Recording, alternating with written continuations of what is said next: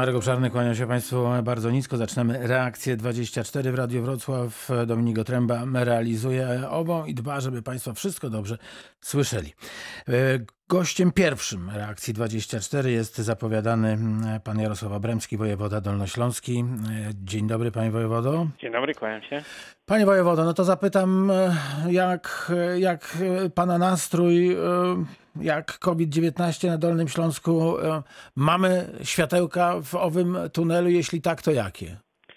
Oj, światełka są bardzo słabe na razie. Bym powiedział, pewno dynamika przyrostu zakażeń maleje, ale to jest, e, to jest jednak nadal ciągle wzrost e, i to się przekłada na, na presję na łóżka szpitalne.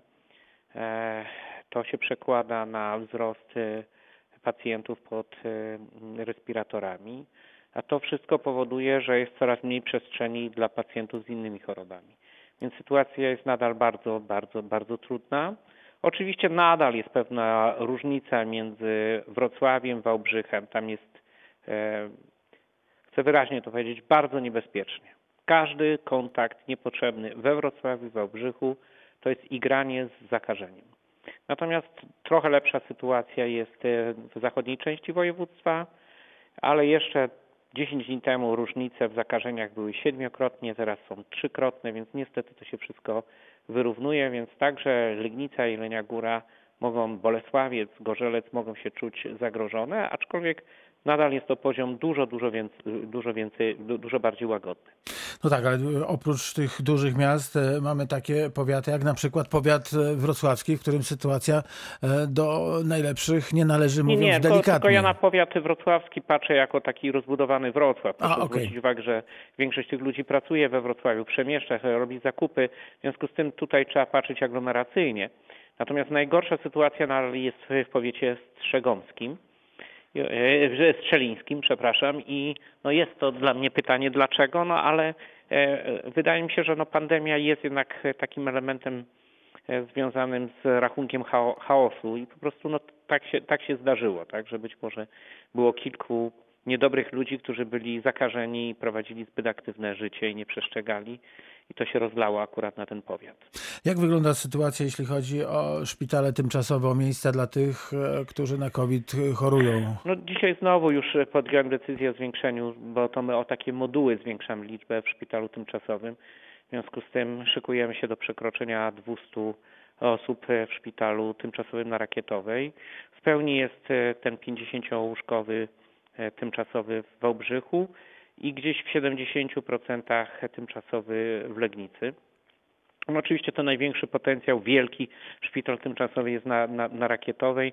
On ma jeden zasadniczy taki e, plus e, w stosunku nawet do właściwie prawie wszystkich szpitali stacjonarnych, że ma bardzo dobrą instalację tlenową, olbrzymi zbiornik i tam możemy więcej pacjentów na tak zwanym high flow, który jest bardzo korzystny, a który no, powoduje, że w niektórych e, szpitalach mniejszych no, mamy spadki ciśnień i, i kłopoty z tego typu leczenia. Więc pod tym względem e, ten szpital jest mi bardzo, bardzo, bardzo potrzebny, ale szpital tymczasowy traktuję jako ostatnią barykadę. E, Zresztą nawet jeżeli zwiększę tą liczbę, a próbuję w tej chwili zwiększyć do 450, czyli znacząco przekroczyć to, co, no, co było w pierwotnych planach budowy, i tam będę pewne modyfikacje robił, żeby się na to przygotować na wszelki wypadek, no to jednak e, proszę zwrócić uwagę, ja będę miał około 3000 miejsc covidowych łóżek na Dolnym Śląsku, a 450 w tym szpitalu, więc ten szpital to jest tylko 15% potencjału. Więc muszę się niestety rozpychać na całym Dolnym Śląsku, zakowidowić e, dużą część oddziałów szpitalnych, żebyśmy się w ogóle mogli zmieścić. No a szpital tymczasowy to jest to miejsce, kiedy już będziemy absolutnie dochodzić do ściany. On się niestety dosyć szybko mi wypełnia. Czy możemy być, e, czuć się w miarę bezpiecznymi? Chodzi o liczbę miejsc e, w szpitalach na Dolnym Śląsku? Nie, ja wolę tutaj straszyć niż, niż pocieszać, tak? To znaczy na pewno każde nieodpowiedzialne zachowanie, każde zakażenie następnych dwóch osób, z których ktoś może trafić do szpitala, powoduje, że tych miejsc będzie mniej. I proszę zwrócić uwagę, to nie tylko jest kwestia tego, żeby były miejsca dla pacjentów covidowych, ale także dla tych, którzy zdarzy się coś istotnego dla ich zdrowia z niekowidowego i będzie albo dłuższy czas oczekiwania na sorze, albo kłopot z transportem, albo po prostu brak miejsc. Taka możliwość oczywiście istnieje. Może nastąpić przesilenie systemu. Na razie upychamy to wszystko. E, wielkie zaangażowanie dyrektorów i personelu szpitalnego, za co bardzo serdecznie dziękuję, ale no, mm, szpitale nie są z gumy, tak? To znaczy mamy określoną pojemność i powyżej tej pojemności. Pojemność nie oznacza tylko łóżek, to jest tak, że oznacza siły personelu, a część tego personelu bardzo ciężko od roku pracuje. W związku z tym jesteśmy blisko ściany. Stacje pogotowia ratunkowego, jak one sobie dają radę, panie wojewodo? No, bardzo, bardzo trudna jest sytuacja. Ja zostałem bardzo mocno zaatakowany przez posłów opozycji za pewien apel o rozsądek e, dotyczący tego, żeby ludzie wzywali karetki tylko i wyłącznie w sytuacjach naprawdę, gdzie jest zagrożenie życia i zdrowia. I że mm, no, były kpiny typu, że tak, tak, do tej pory tylko zamawialiśmy przez karetki pizzę i tak dalej. Nie o to chodzi. Proszę Państwa, na 150 tysięcy wezwań w marcu 50 tysięcy było bezzasadnych. 50 tysięcy mogło się skończyć interwencją, nawet telefoniczną u lekarzy POZ, u lekarzy rodzinnych. Było to dodatkowe obciążenie systemu. Ktoś powie, pewno zawsze tak się dzieje. Być może, tylko w momencie, kiedy mamy naprawdę bardzo mocne przesilenie systemu, każde wzywanie do błahej sprawy, E, naprawdę wiele rzeczy się nie nadaje do jakiejkolwiek interwencji szpitalnej, no powoduje zakłócenie systemu, powoduje, że cenny czas pracy na rzecz ratowania życia i zdrowia e, pacjentów ciężej chorych jest tracony na, na rzeczy, których można sobie poradzić naprawdę wykonując, e, starając się o teleporadę lub idąc dzień później do lekarza POZ-u w przychodni.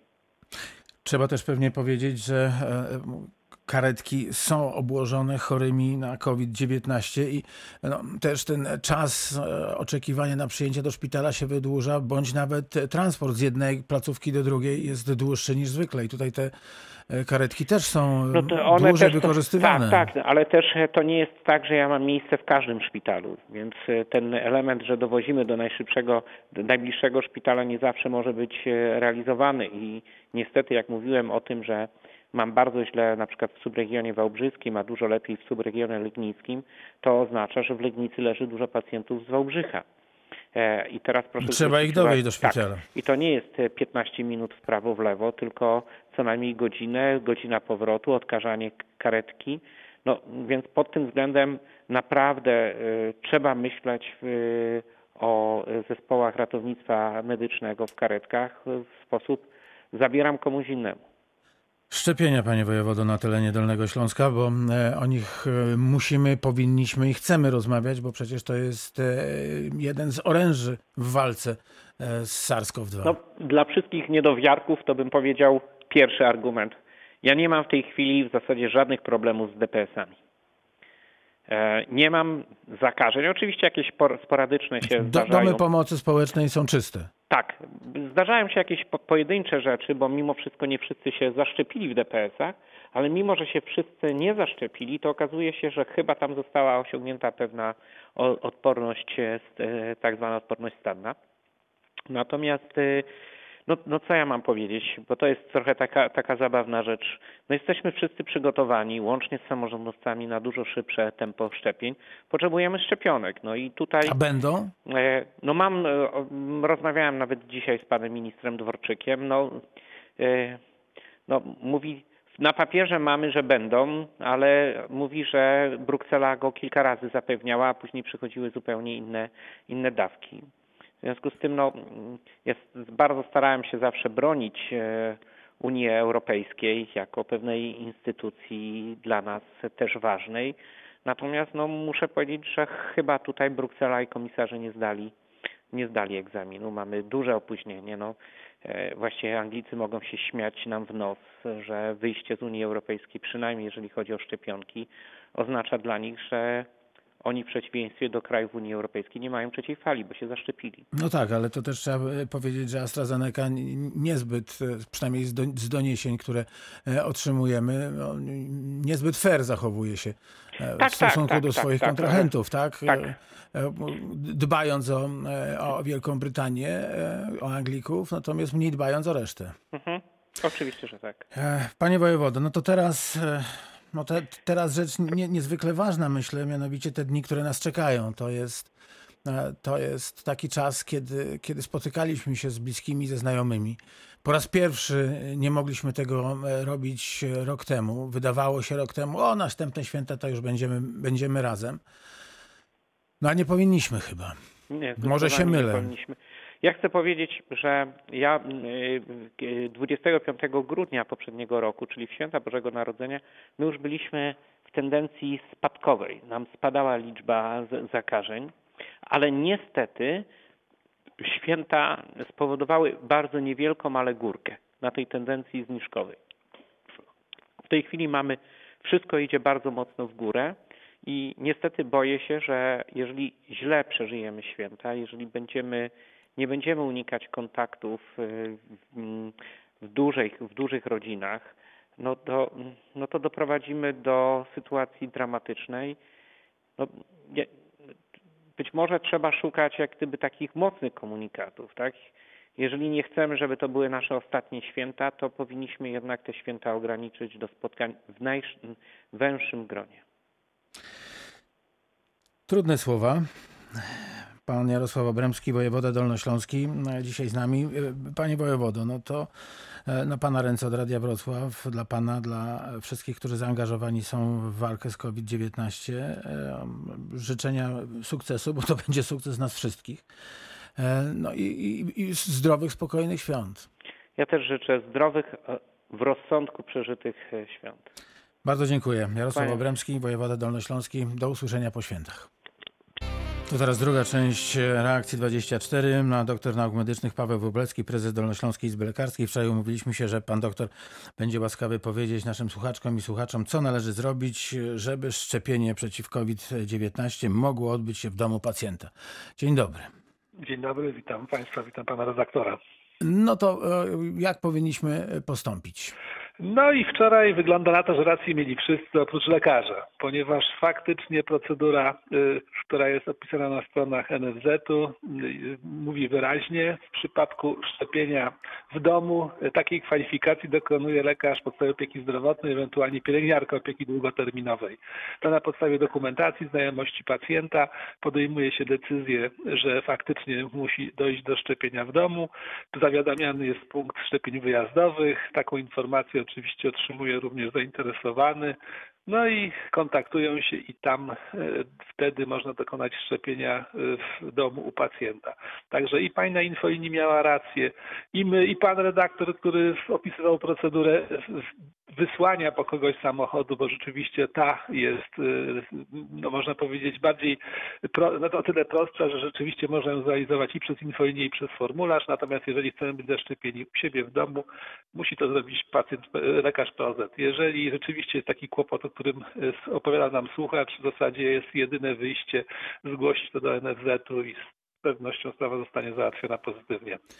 To jeszcze jedno pytanie właśnie napłynęło mailem e, od pani Reginy. Pozdrawiamy pięknie. Miałam dwa razy zakrzepicę żył e, kończyn dolnych, biorę tabletki przeciwzakrzepowe, mam przewlekłą niewidolność żylną i choruję na nadciśnienie tętnicze. Czy mogę się zaszczepić, a jeśli tak, to którą szczepionką? Szczepimy się.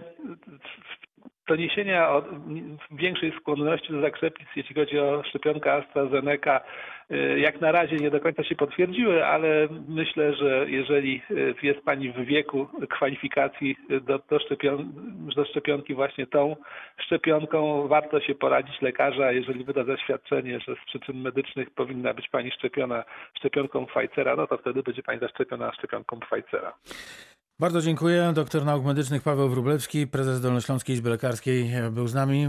Dla wszystkich lekarzy, dla całej służby zdrowia od Radia Wrocław głębokie ukłony, podziękowania i życzenia, aby te święta były e, najspokojniejsze z możliwych, o może tak.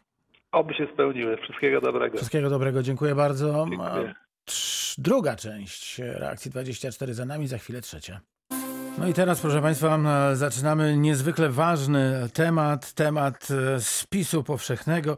Przypomnę numer telefonu 71 391 00 00, reakcja 24 e, i nasze ekspertki, ich wiedza do Państwa dyspozycji. Jakiekolwiek pytania by się Państwu nasunęły, bardzo proszę dzwonić, bardzo proszę wyjaśniać. To jest dobry moment, żeby wiedzieć wszystko o tym, co czeka nas już bardzo, bardzo niedługo. Panie Małgorzata Wysoczańska, kierownik działu badań ankietowych Urzędu Statystycznego we Wrocławiu jest z nami. Dzień dobry. Dzień dobry Państwu. I pani Agnieszka Ilczuk, kierownik Dolnośląskiego Ośrodka Badań Regionalnych Urzędu Statystycznego we Wrocławiu. Także dzień dobry. Dzień dobry. Jak się panie czują, najpierw zapytam, pani Agnieszko? Na szczęście wszystko w porządku, dziękuję bardzo. To życzę, żeby tak było dalej i u pani, i u bliskich, i w rodzinie, a u pani Małgorzaty, jak sprawy się mają zdrowotne? Na razie wszyscy zdrowi, ewentualnie drobne przeziębienie niektórych z rodziny, ale to przeziębienie nie COVID. No to nie powiem, żeby oby tak dalej, niech się nie przeziębiają, a jeśli chodzi o COVID, to oby tak dalej. E, proszę pani, e, czeka nas spis powszechny. Proszę powiedzieć e, na początku, początek, dlaczego 31 dzień marca e, tego roku, czyli dzień jutrzejszy, z punktu widzenia owego spisu jest taki ważny? Y, ten dzień jest taki ważny, ponieważ to jest y, moment, y, do którego będziemy odnosić się spisując, spisując się. To znaczy spis będzie trwał od 1 kwietnia do końca czerwca, a właściwie teraz z uwagi na COVID jest w parlamencie naszym procedowana druga poprawka, druga nowelizacja ustawy o spisie. Y, która zakłada między innymi wydłużenie go do końca września. Ale na razie mówimy o tym, że do końca czerwca powinniśmy, a raczej musimy o tym też za moment e, wziąć udział w tym spisie. Y, tak. Dobrze. I teraz tak. właśnie ten 31 dzień marca. Dlaczego on taki ważny? Co powinniśmy zrobić? Nie wiem, notatki? Ja myślę, że notatki e, to nie będą konieczne, raczej każdy z nas będzie to pamiętał, ale trzeba, trzeba wziąć pod uwagę to, że, że ten moment 31 marca 2021 roku, godzina 24, to jest ta chwila, na którą, do której, na którą będziemy spisywać, e, spisywać dane i odnosić się, e, robiąc spis powszechny właśnie do tego momentu. Czyli jeśli nasza rodzina E, będzie w tym momencie liczyć na przykład trzy osoby, a e, spisywać się będziemy w czerwcu i rodzina już będzie liczyć osób e, pięć, bo się urodziły bliźniaki, to będziemy w spisie wpisywać trzy. Będziemy w spisie wpisywać y, trzy e, według tego stanu, który był na koniec marca tego roku. Zaraz wrócimy do, do, do owego objaśnienia, bo telefonicznie z nami pan Jerzy z Wrocławia. Pozdrawiamy Wrocław, pozdrawiamy pana Jerzego. Rozmawiamy Dziękuję, o narodowym też. spisie. Cieszę się, że pan jest z nami. Słucham uprzejmie. No właśnie, bo ten spis to nie wiem jak to się odbywa. To przez telefon, czy trzeba być w domu? Jak to się odbywa? Proszę bardzo. No to pan mnie wyręczył, zadał pan pytanie. Proszę bardzo. Pani Małgosia czy pani Agnieszka? Pani Małgosia. E, oczywiście e, spis e, będzie realizowany czterema metodami. Wszystko w zależności od sytuacji. Oczywiście ze względu na epidemię, na pewno wywiad bezpośredni, który był planowany, to pewnie nie dojdzie do skutku. Natomiast na pewno będzie wywiad telefoniczny, ale podstawową formą, najbardziej bezpieczną i przez nas rekomendowaną jest tak zwany samospis internetowy. Czyli pan może sobie wejść na stronę internetową, na odpowiednią e, ścieżkę dotyczącą spisu i tam jest odpowiednia interaktywna aplikacja, w której można się spisać. Można spisać siebie, można spisać swoją całą rodzinę. I to jest dla nas jakby najbardziej rekomendowana forma i najbardziej bezpieczna forma. Oczywiście oprócz mhm, tego samospisu są również inne formy, jak właśnie wywiad telefoniczny, który będzie wykonywany przez rachmistrzów telefonicznych, są to głównie pracownicy Urzędu Statystycznego oraz tak zwany spis na żądanie, przez nas nazywany, to znaczy jest infolinia. Infolinia działa już od 15 marca i również przez infolinię, przez rachmistrza można być spisany. Mhm. To jest obowiązkowe, czy to jest... E, tak, to... spis, spis według ustawy o spisie E, powszechnym jest e, spisem obowiązkowym i nieodpłatnym.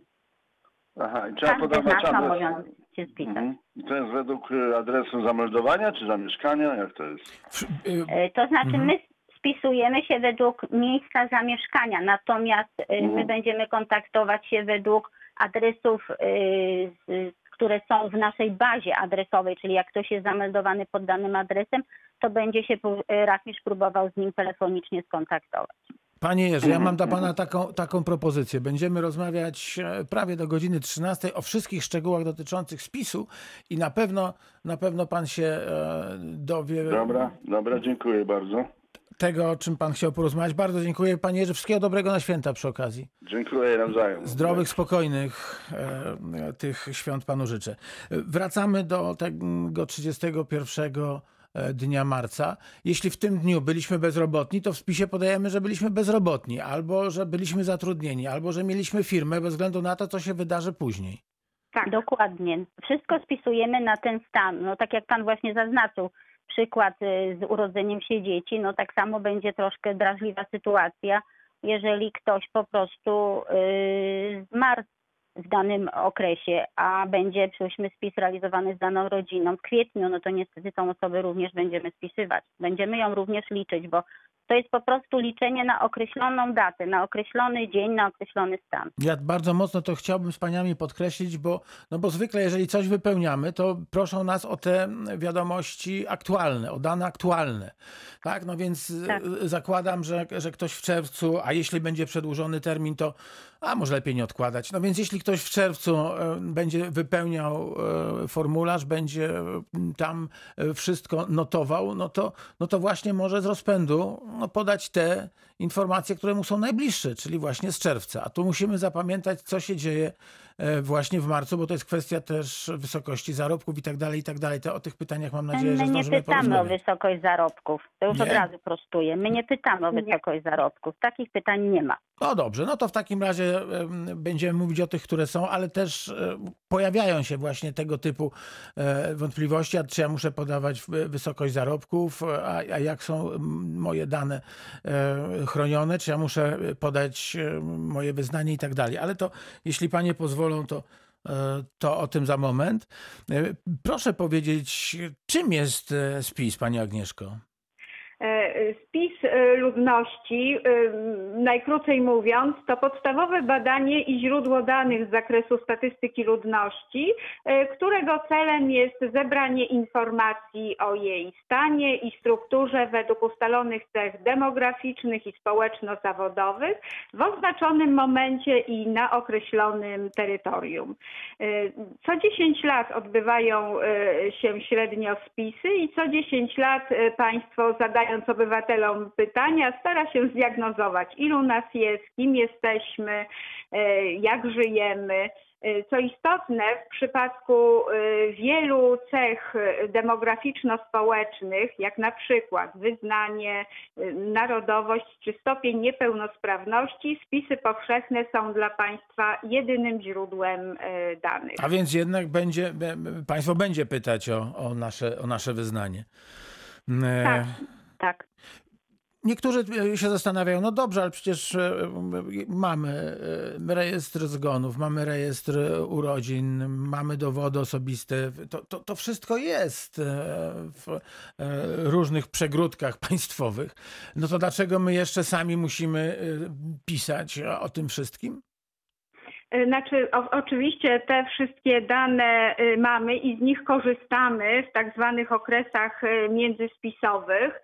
Y, Na ich podstawie robimy bilanse ludności, ale jednak tą podstawą, którą, y, którą właśnie uzyskuje, to jest ta podstawa, którą uzyskujemy w spisach ludności. Y, Ważne jest to, że my tutaj spisujemy stan faktyczny, niezależnie od zameldowania. Stan faktyczny e, e, osób, które mieszkają e, na danym obszarze w danym momencie. A to, o czym, e, o czym Pan wspominał, czyli te dane pochodzące z rejestrów, urodzenia, zgony, e, e, migracje, te da, tymi danymi dysponujemy i te dane wykorzystujemy do y, y, naliczania y, tak zwanej ludności bilansowej, czyli stanów ludności na, w kolejnych latach. No to w takim razie do czego służą wyniki takiego narodowego spisu?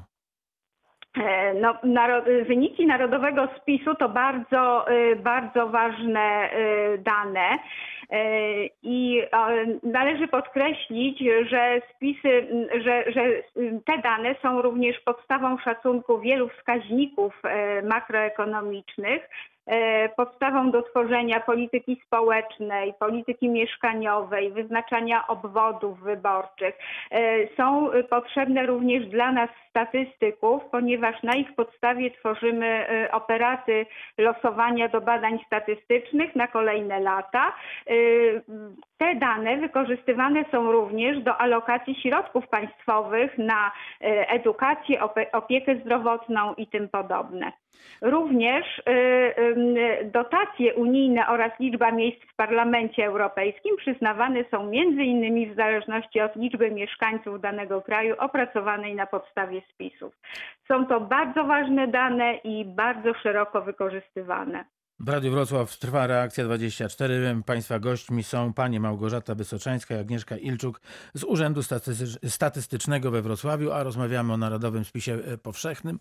E, Dodzwonił się do nas pan Wojciech z Obornik Śląskich. Pozdrawiamy oborniki. Dzień dobry panie Wojciechu. Dzień dobry. Uszanowanie. pana, y, chciałem się dowiedzieć, bo tak dopiero włączyłem, y, znaczy wszedłem do samochodu i tak słucham tego radia i bo chciałem przez internet się wpisać jakby to, a taki formularz gdzie, gdzie dostanę? Y, Ten formularz będzie dostępny od y, 1 kwietnia, czyli już y, pojutrze. Y, Od Mhm. północy będzie dostępny na stronie y, statystycznej spis.gov.pl, łatwo zapamiętać, spis.gov.pl y, i tam wtedy będzie y, można y, zalogować się i dokonać spisu. Aha, dziękuję bardzo. Tyle Dodatkowo mogę jeszcze, jeżeli mogę dodać, Pewnie. już dzisiaj może pan sobie wejść na stronę GUS-u, gdzie jest wersja demo i każdy Mhm. sobie może jakby nawet przećwiczyć, jakiego rodzaju dane trzeba będzie wpisać w ten formularz, który będzie już funkcjonował od 1 kwietnia. Także w tej chwili można również ćwiczyć, korzystać na wersji demo, która jest udostępniona na stronie GUS-owej. Fajno, te- dziękuję, Te dane pozdrawiam. się nie zapiszą, to od razu te dane się tak. nie zapiszą, to nie będzie spełniony obowiązek spisowy. Mhm. Także, ale można Dobra. oczywiście wejść, zobaczyć jak to wygląda. Dobra, fajno. Dziękuję, wesołych świąt. Wszystkiego dobrego, spokojnych, dobrych Dziękuję. świąt, panie Wojciechu. Wszystkiego dobrego. Proszę państwa, 71 391 0000. Ja zachęcać będę państwa, i czynię to teraz, żeby państwo wykorzystywali wiedzę naszych ekspertek i pytali o wszystko, co związane jest z Narodowym Spisem Powszechnym.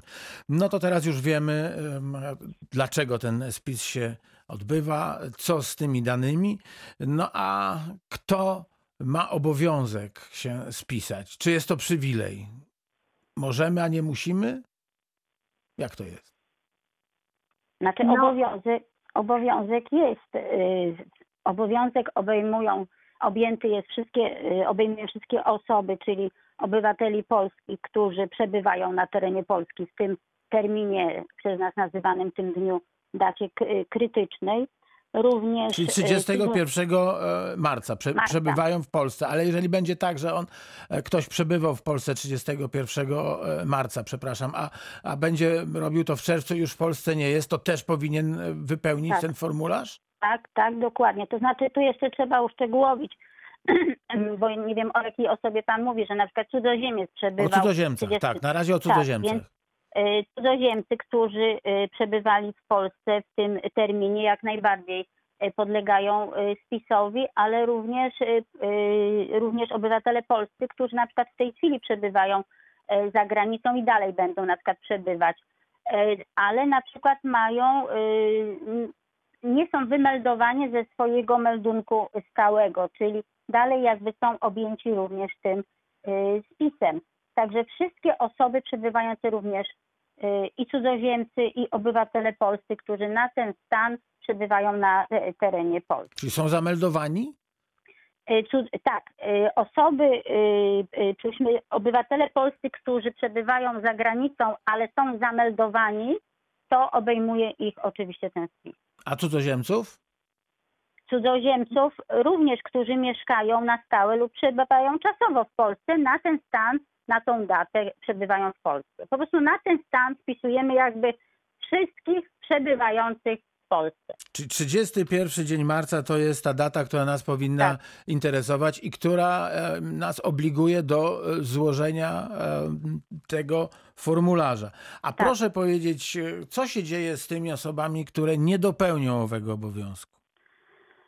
E, No są odpowiednie przepisy dotyczące e, tego e, obowiązku. To jest artykuł 57 ustawy o statystyce.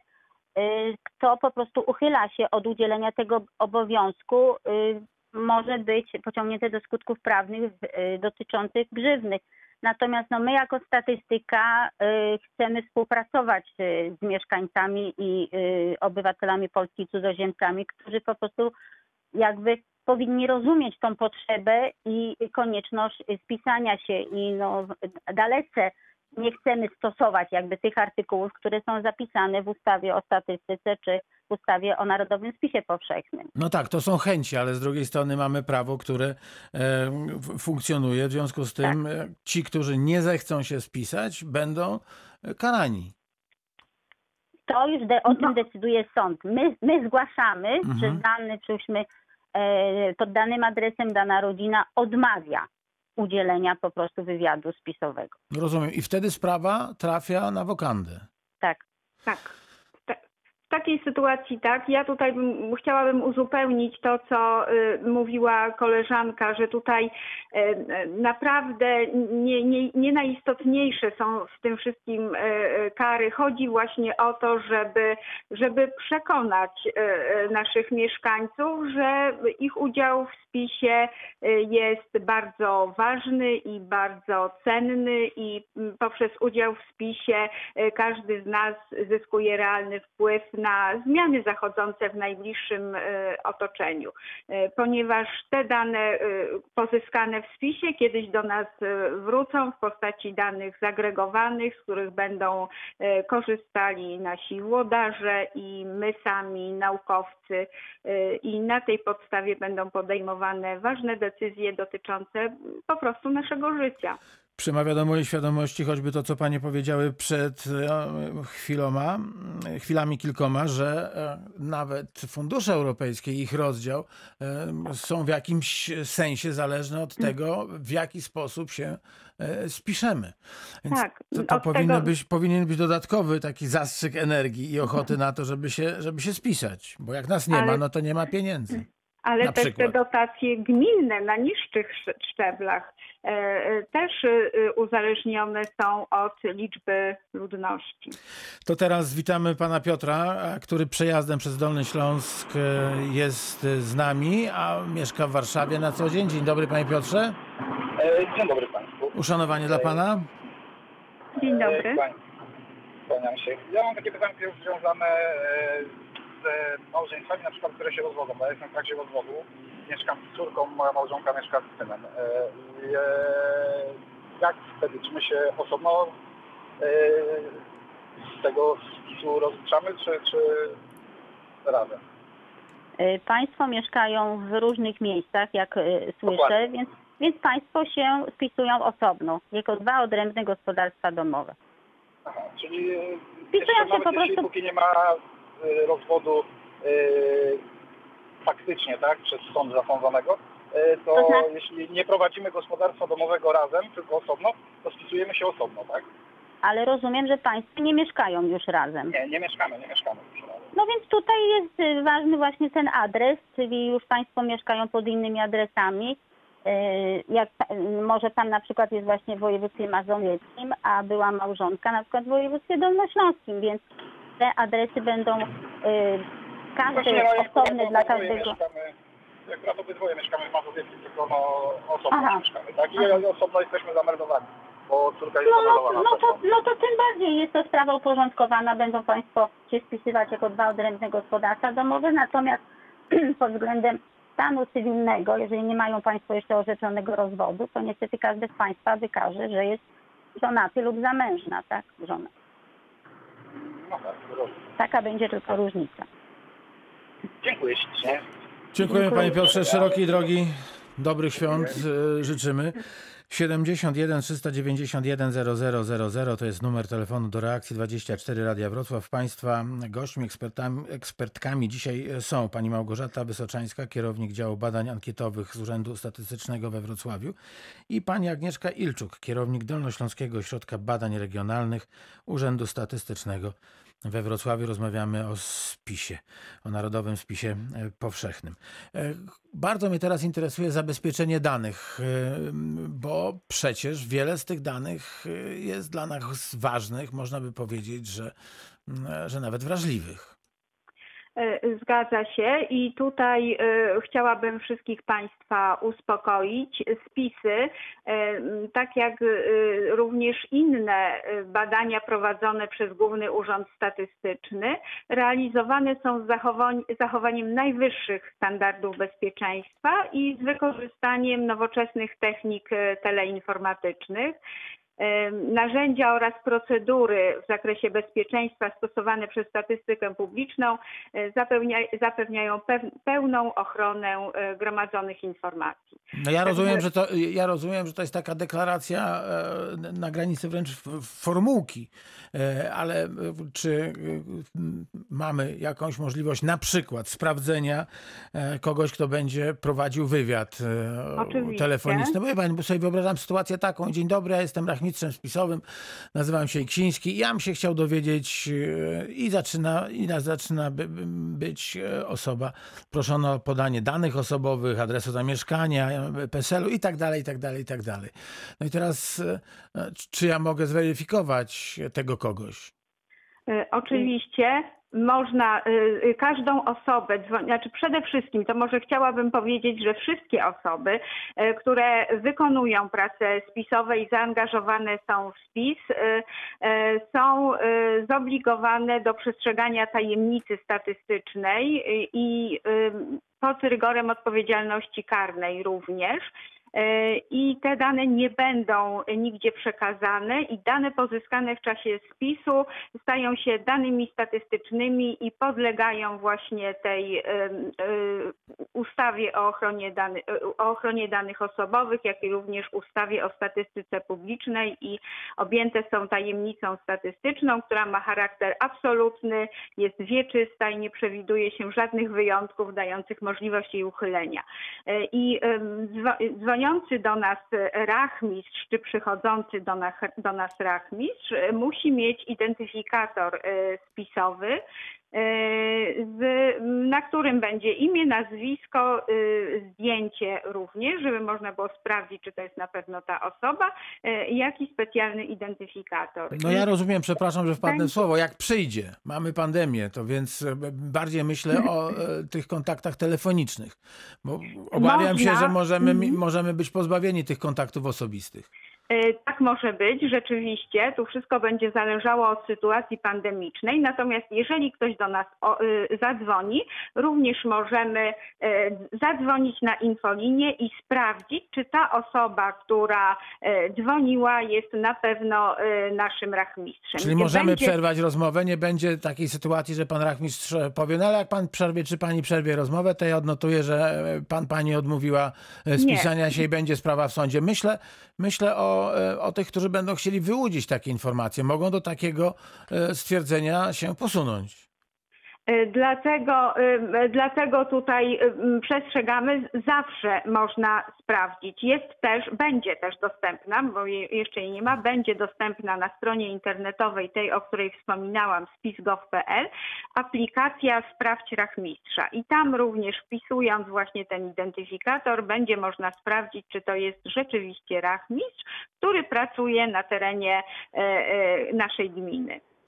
To teraz pan... Dzwoniąc, dzwoniąc mhm. na infolinię albo sprawdzając, e, albo sprawdzając e, samemu na stronie internetowej w aplikacji. I umawiając się z rachmistrzem na, na, na kontakt za chwilę, tak? Żeby było wiadome, że, że mamy tak, ten ja czas. Chciałam jeszcze, ja chciałam jeszcze dodać, że każdy rachmistrz telefonując ma obowiązek podać imię i nazwisko i z jakiego urzędu statystycznego jest e, pracownikiem i na prośbę również respondenta ma obowiązek podać ten numer identyfikatora.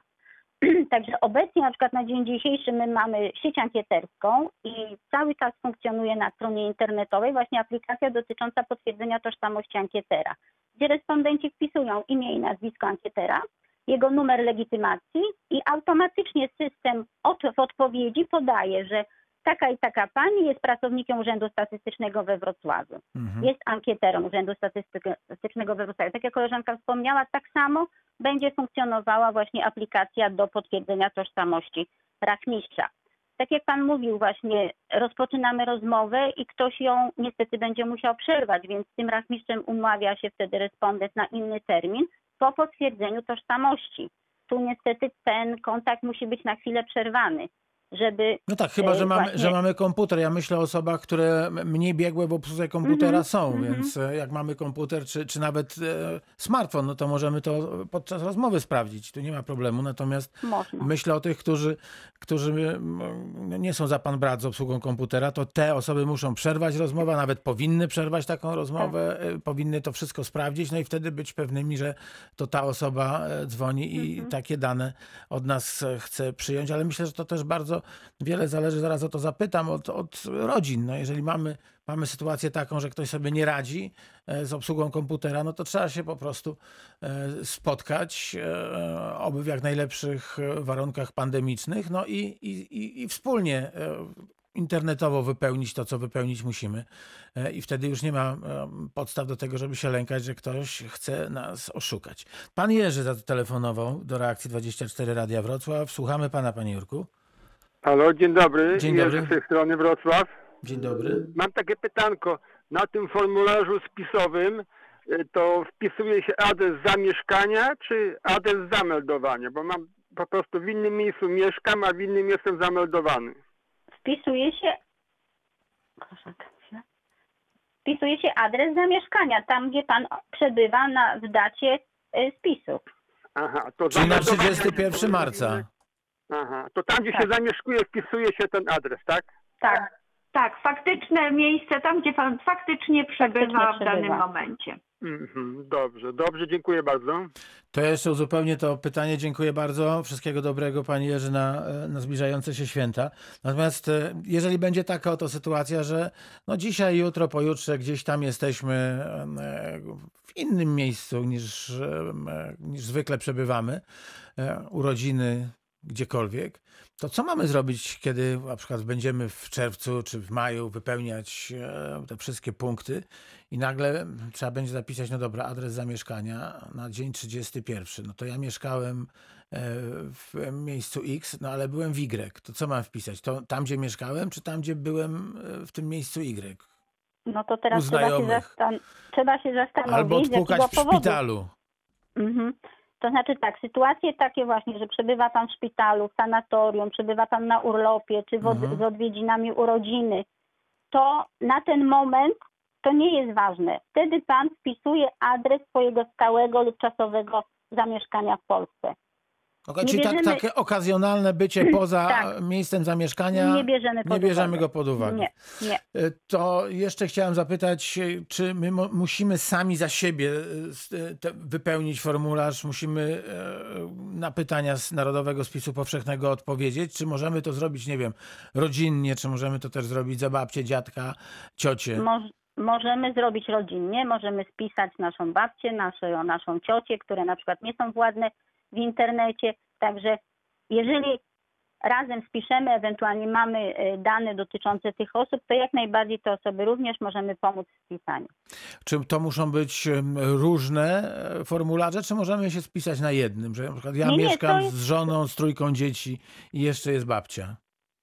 Tak, to Państwo spisują się wtedy jako cała rodzina na jednym formularzu, dopisując kolejne osoby w formularzach osobowych. Rozumiem, czyli wtedy, wtedy nikt nie będzie miał pretensji do babci, że się nie spisała. Nie, bo Nie. będzie spisana przez rodzinę. Okej. Wiemy już, że em, karom podlega niespisywanie się. Miejmy nadzieję, że, że, że tych kar będzie bardzo, bardzo mało albo w ogóle. A jeżeli popełnimy błąd, to możemy to poprawić? Bo przecież też e, musimy e, zgodnie z prawdą wypełnić e, formularz. Spisowy. E, Tak, formularz musi być wypełniany, e, tak jak Pan powiedział, e, zgodnie z prawdą. Ustawa o spisie powszechnym nakłada właśnie na nas obowiązek przekazywania dokładnych, wyczerpujących i zgodnych z prawdą odpowiedzi. I tutaj apelujemy em, o to, żeby bardzo dokładnie sprawdzać i te dane, które wpisujemy, bo niestety po spisaniu i po zakończeniu spisu nie będzie ich można poprawić. Ale tu chciałabym uspokoić, że jeżeli ktoś rozpocznie spis, a y, na przykład, nie wiem, nie będzie miał jakiejś informacji albo po- potrzebował będzie, y, będzie sprawdzić pewne, pewne informacje, to ten formularz będzie y, aktywny przez 14 dni i przez 14 dni będziemy mogli do niego wrócić. To jest bardzo dobra wiadomość na koniec. E, Drogie Pani, umawiamy się na kwiecień na kontynuowanie tej rozmowy. E, Czas nas e, dzisiaj już tak przegonił po tym cyferblacie, że za trzy minuty wiadomości w Radiu Wrocław, więc musimy e, powiedzieć sobie mm, do widzenia. Małgorzata Wysoczańska, Agnieszka Ilczuk z Urzędu Statystycznego we Wrocławiu była Państwa gościem. Za tę wizytę bardzo dziękuję. Już zapraszam do Radia Wrocław e, w kwietniu. Wszystkiego dobrego na święta. Dziękujemy Dziękuję również, do bardzo. widzenia. Wszystkiego dobrego y, na święta, zdrowych, spokojnych świąt.